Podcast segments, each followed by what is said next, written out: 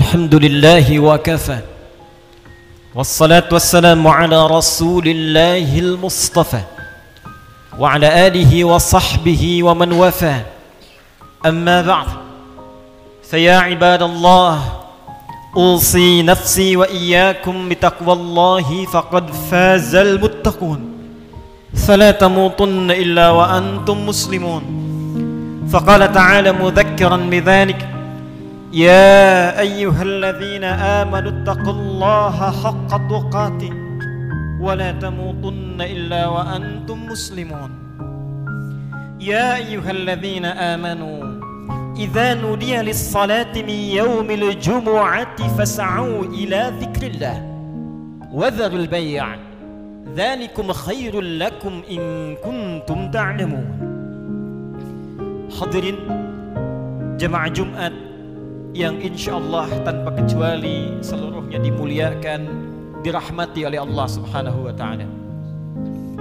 Mengawali Jumat ini, khatib mengajak pada kita semua untuk bersyukur kepada Allah Subhanahu wa Ta'ala. Masih diberikan kita semua kesempatan untuk menunaikan ibadah Jumat berjamaah. Ini adalah bagian yang mesti kita syukuri karena perintah Jumat dalam Al-Quran dilekatkan dengan kalimat iman sekaligus menandakan ukuran tingkat keimanan seorang hamba. Quran surah ke-62 dengan namanya Al-Jumu'ah di ayat ke-9. Ya ayyuhalladzina amanu idza nudiya lis-salati min yaumil jumu'ah. Hei seluruh orang-orang yang beriman tanpa kecuali. Panggilannya menggunakan kata alladzina disebutkan sebanyak 1080 kali dalam Al-Qur'an menunjuk kepada objek tanpa batas besarkah, kecilkah, tuakah, mudakah sepanjang punya iman.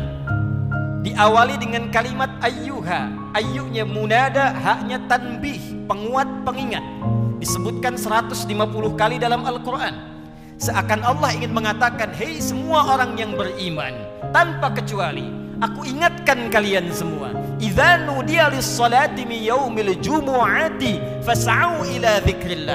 Jika sudah tiba ada panggilan untuk menunaikan salat Jumat, maka respon bergegas untuk ingat kepada Allah Subhanahu wa taala. Rumus tafsir mengatakan, jika ada informasi dalam Al-Qur'an, apakah berupa perintah atau larangan atau sekedar informasi saja, namun dibuka dengan kalimat iman, maka informasi yang disampaikan sekaligus menjadi ukuran tingkat keimanan seorang hamba. Salat perintahnya dibuka dengan kalimat iman. Al-Baqarah ayat ketiga. Alladzina yu'minuna bil ghaib wa yuqimuna salat. Sebelum dilakukan salat dibuka dengan iman, maka salat menunjukkan tingkat keimanan seorang hamba. Semakin semangat salatnya, semakin menunjukkan imannya kuat. Semakin malas berkurang kuantitas sholatnya, semakin menunjukkan imannya lemah. Jumat dibuka dengan kalimat iman sekaligus memberikan kesan tingkat keimanan seorang hamba.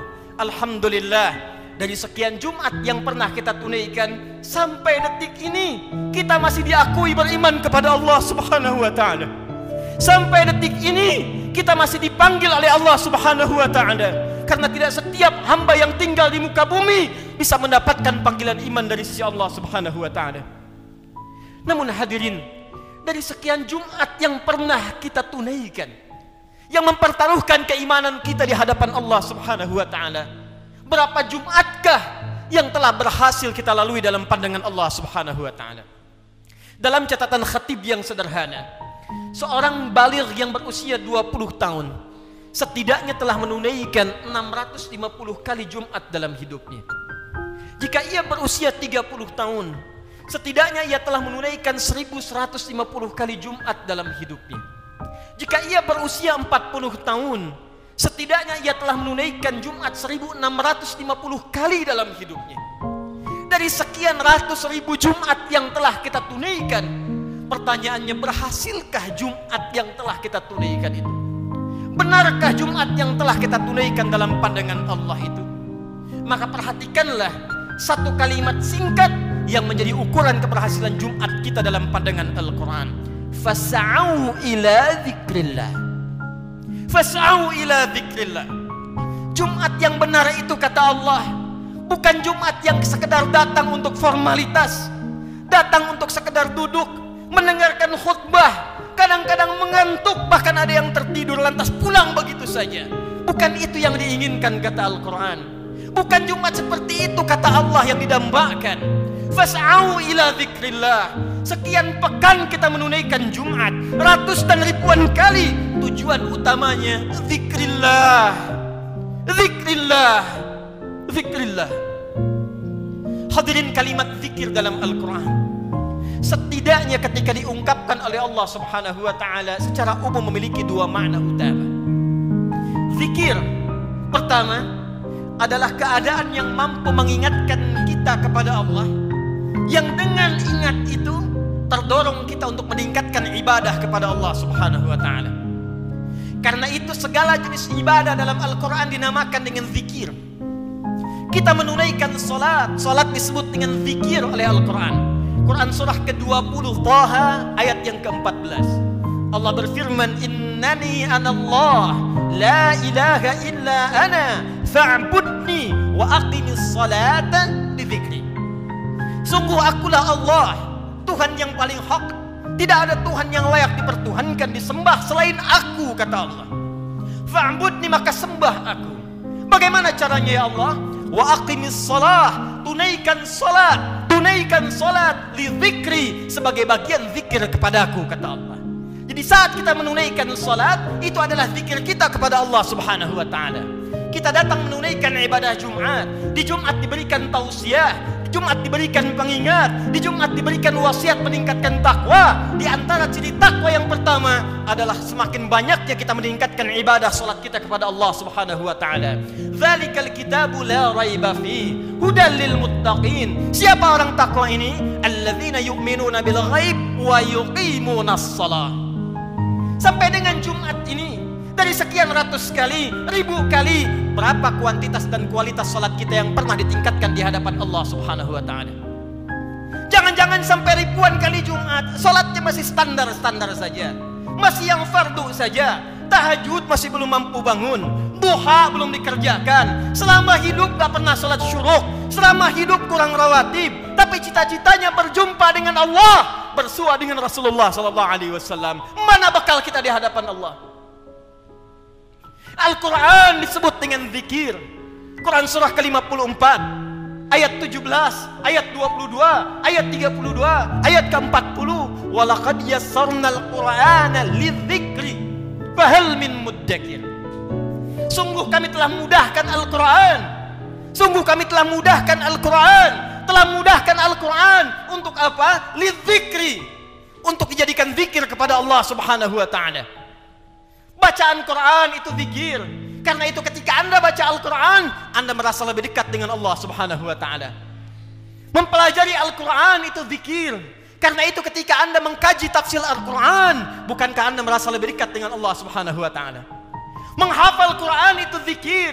Karena itu para penghafal Quran semakin dekat keadaannya dengan Allah Subhanahu wa taala. Dari sekian aktivitas kehidupan yang telah kita lalui sampai dengan detik Jumat ini, Berapa banyak Al-Quran telah kita hidupkan? Berapa banyak Al-Quran telah kita bacakan? Jangan-jangan Jumat ini pun belum sempat baca Al-Quran. Jangan-jangan telah berlalu sekian hidup kita belum sempat menghafal Quran dengan baik. Salat belum dimengerti bacaannya. Puluhan tahun salat tidak mengerti apa yang dibaca dalam salat. Mau sampai kapan? Bagaimana salatnya bisa khusyuk kalau tidak paham apa yang dibacakan? Al-Quran belum sempat dipahami Jangankan menghafal, sudah puluhan tahun untuk baca saja nggak sanggup bacakan dengan baik. Berapa lama lagi waktu yang dibutuhkan? Bukankah hadisnya sahih? At-Tirmidzi nomor hadis 2015 itu saat seseorang akan masuk surga, maka perintah pertama yang dimintakan oleh Allah adalah membacakan Al-Quran yang dia biasa bacakan saat di muka bumi. Fakra wartaki, fa inna akhir qiraatika manzatika manzilatika fil jannah. Baca Quran yang biasa engkau bacakan saat di dunia itu. Akhir bacaan Quranmu, itulah kedudukanmu di surga di sisi Allah Subhanahu wa taala. Karena itulah perhatikan anak-anak di Palestina dengan keadaan yang sangat terbatas, anak-anak di Libya dengan keadaan yang tidak mudah karena cita-citanya menghadap Allah dalam kebaikan surga tingkat tertingginya mereka berlomba menghafal Al-Quran Alhamdulillah di Indonesia sekarang Anak-anak kecil sudah menghafal Al-Quran. Yang lumpuh otak menghafal Al-Quran. Yang tidak bisa melihat menghafal Al-Quran. Dan kebanyakan mereka masih belum balil. Anak balil sebelum waktu sholat sudah berjamaah datang ke masjid.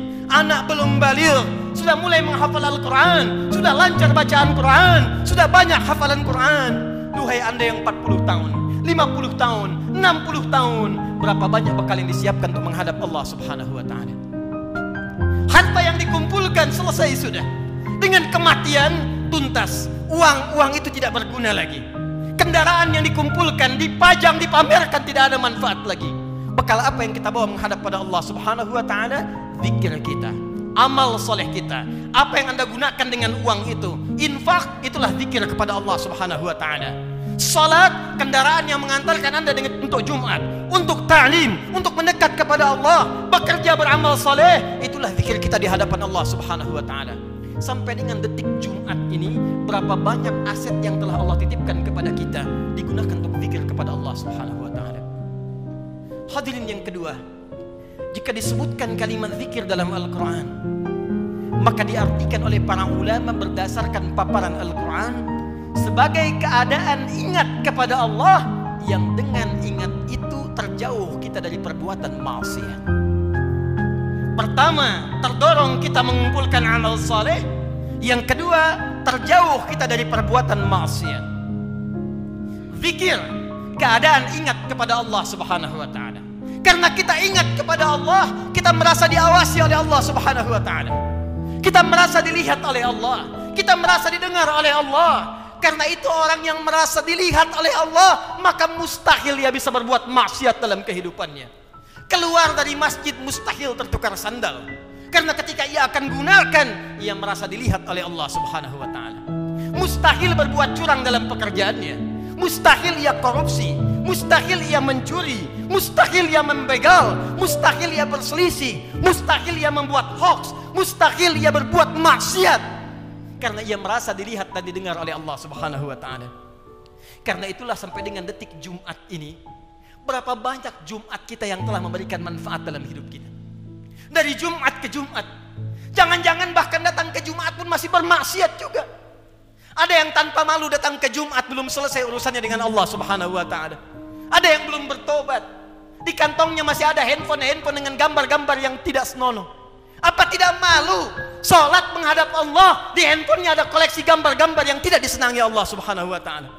Ada video-video yang tidak Allah sukai. Ada hubungan dengan orang tua yang belum selesai. Ada hubungan dengan tetangga yang belum tuntas. Ada hubungan dengan anak istri yang belum tuntas. Cita-cita masuk surga. Cita-cita berjumpa dengan Rasulullah Sallallahu Alaihi Wasallam. Amal apa yang telah anda siapkan? Apa tidak malu menghadap Allah dengan lumuran maksiat? Apa tidak malu berjumpa dengan Rasulullah berlumur maksiat?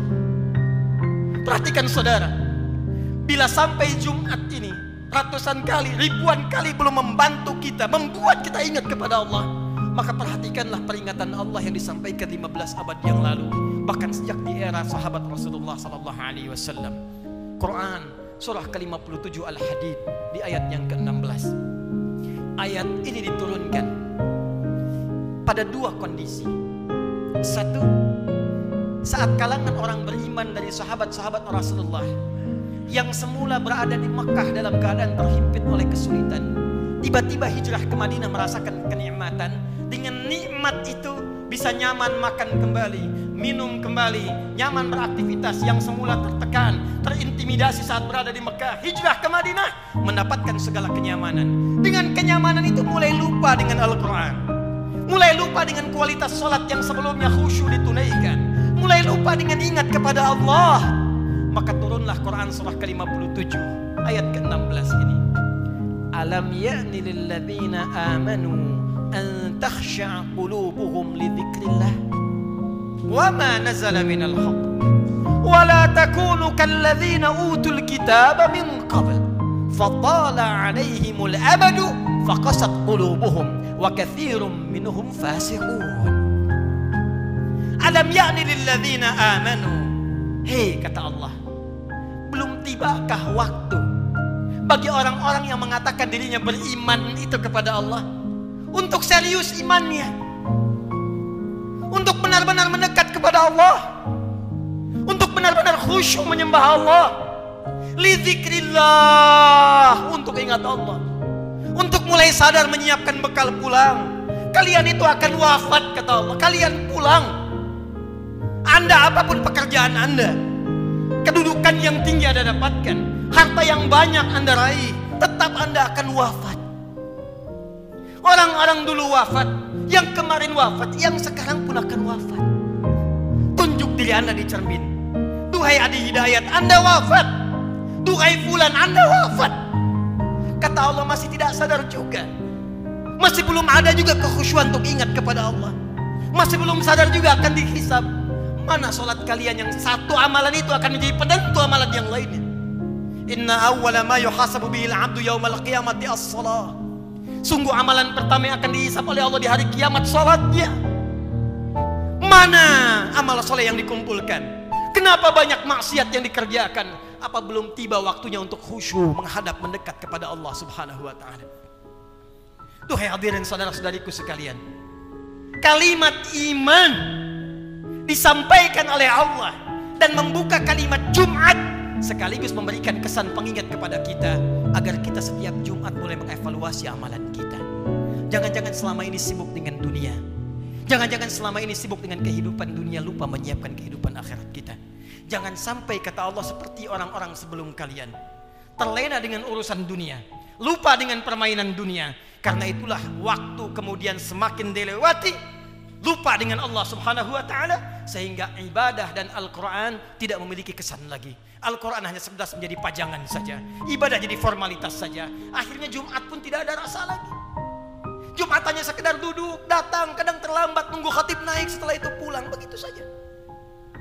Al-Quran cuma jadi pajangan, hiasan saja dibaca, sulit. Sholat cuma jadi formalitas saja. Kalau itu terjadi dalam kehidupan kita, maka tanda alarm harus dinyalakan dalam jiwa kita. Itu pertanda ada keadaan hati kita yang belum khusyuk menghadap Allah Subhanahu wa taala. Maka ditutup kalimat ini wa katsirum minhum fasiqun. Maka kalau sudah seperti itu, kebanyakan lupa dengan Allah ujung-ujungnya menjauh dan banyak berbuat maksiat. Karena itu, hati ingin mengajak kepada kita semua dalam waktu Jumat yang singkat ini, mari jadikan Jumat ini sebagai evaluasi untuk mendekat kepada Allah Subhanahu wa taala. Ingat-ingat satu saat kita pun akan wafat. Ingat anak-anak kita. Ingat orang tua kita. Demi Allah sebentar saja setiap Anda berapa usianya pasti punya orang tua. Mungkin di antara kita ada yang sudah wafat. Yang ibunya berharap supaya anaknya mengantarkan amalan soleh. Anaknya rajin sholat. Anaknya bisa baca Al-Quran. Sehingga di akhirat dikumpulkan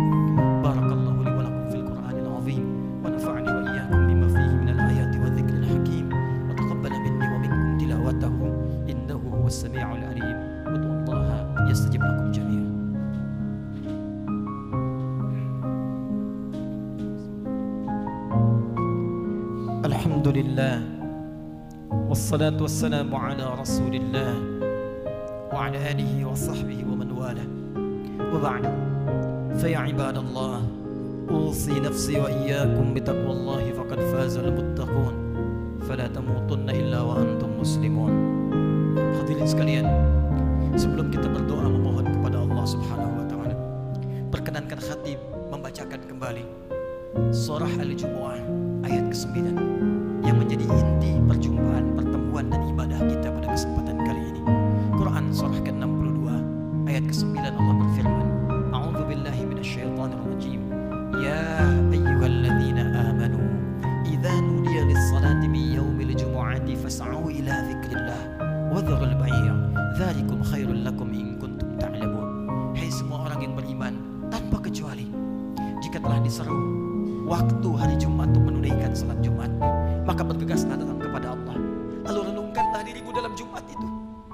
banyak zikir yang telah engkau kumpulkan sampai Jumat itu. Dan bayangkanlah sampai saat itu engkau diwafatkan oleh Allah. Cukupkah bekal anda menghadap kepada Allah? Renungkanlah sampai Jumat ini sebelum kita berdoa. Apakah telah cukup sholat kita sebagai bekal untuk pulang kepada Allah? Apapun profesi kita. Pengusaha kah Pejabat kah? Tentara kah? Polisi kah? Ustadz kah? Rakyat biasa kan? Berapa banyak bekal kita telah disiapkan menuju Allah? Dan renungkanlah berapa banyak maksiat telah kita kumpulkan Malu di hadapan Allah kalau wafat dalam keadaan penuh maksiat. Mata bermaksiat, telinga bermaksiat. Berapa banyak lisan pernah digunakan untuk maksiat, mencela orang lain, riba Sehingga menjadikan hubungan tidak baik dengan sesama. Berapa banyak tangan telah dituliskan berbuat maksiat. Berapa banyak kaki melangkah pada perbuatan maksiat. Sementara kita mengharap rahmat Allah subhanahu wa ta'ala. Fas'au ila Kata Allah sebelum kalian pulang selesai Jumat, berenung dulu.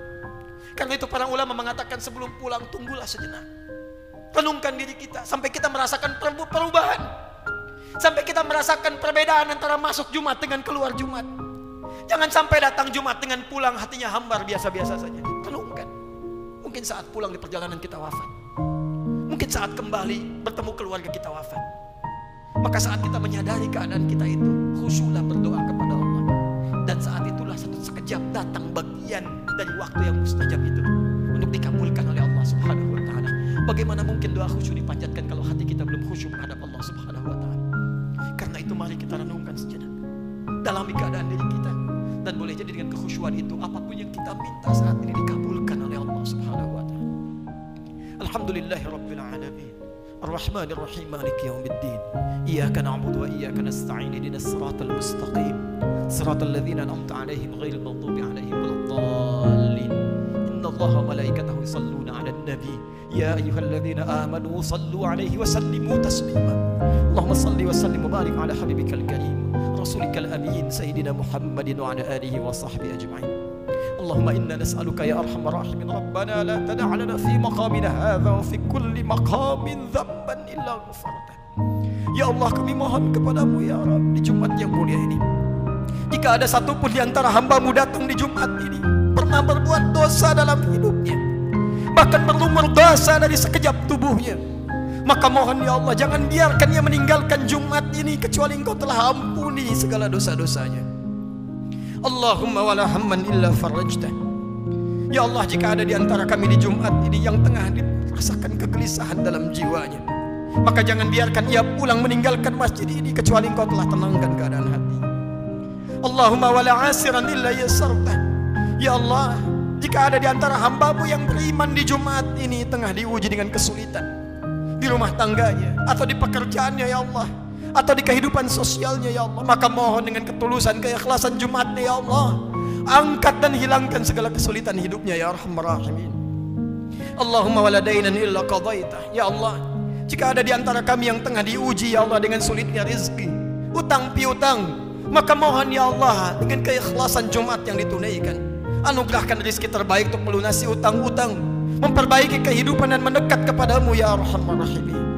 Allahumma wala maridhan illa syafaitah. Ya Allah, jika ada di antara kami yang tengah kau uji dengan penyakit seberat apapun maka mohon angkat dan sembuhkan penyakitnya.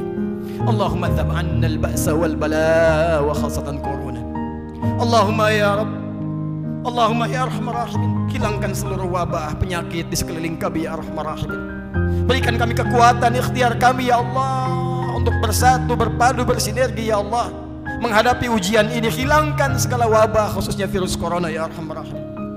Allahumma nashtaq lil masajid. Ya Allah kami rindu untuk tenang menunaikan ibadah di masjid ya Allah. Li untuk ta'lim ta'lim kami ya Rahman Rahimin. Salat-salat kami ya Allah kami merindukan kembali salat dengan tenang di masjid ya Allah. Saf yang utuh ya Allah. Ya Allah jangan hukum kami ya Allah karena kemaksiatan kami kami tidak mampu datang ke masjid lagi.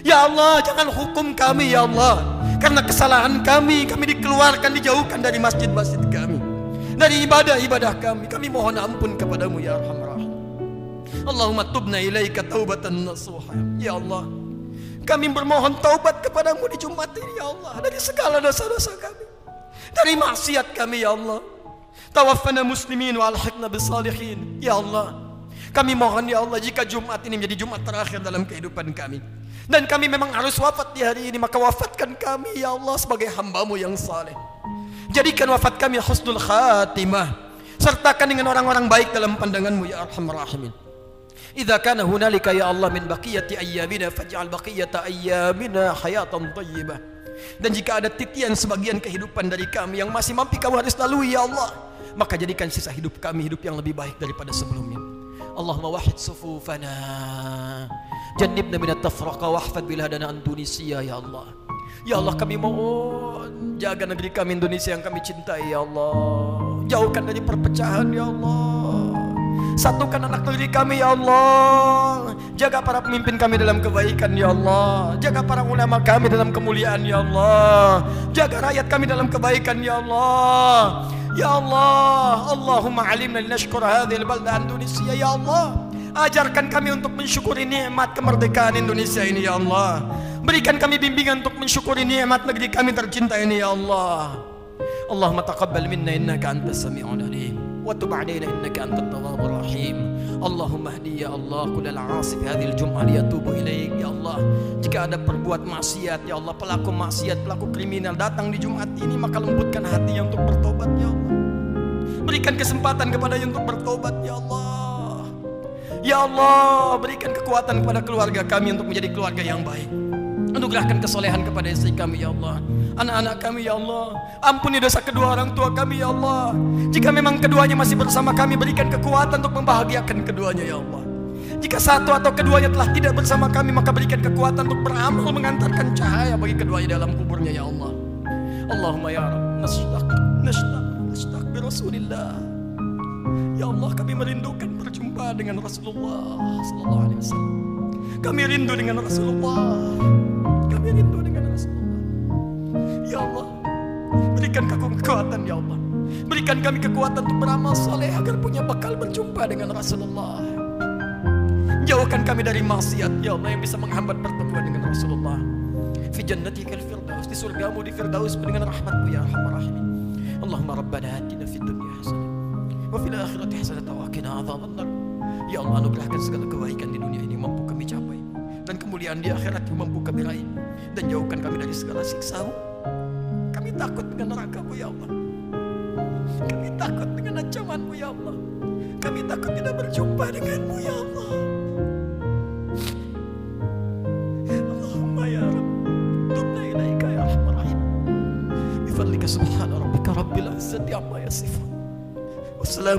wabarakatuh. Alhamdulillah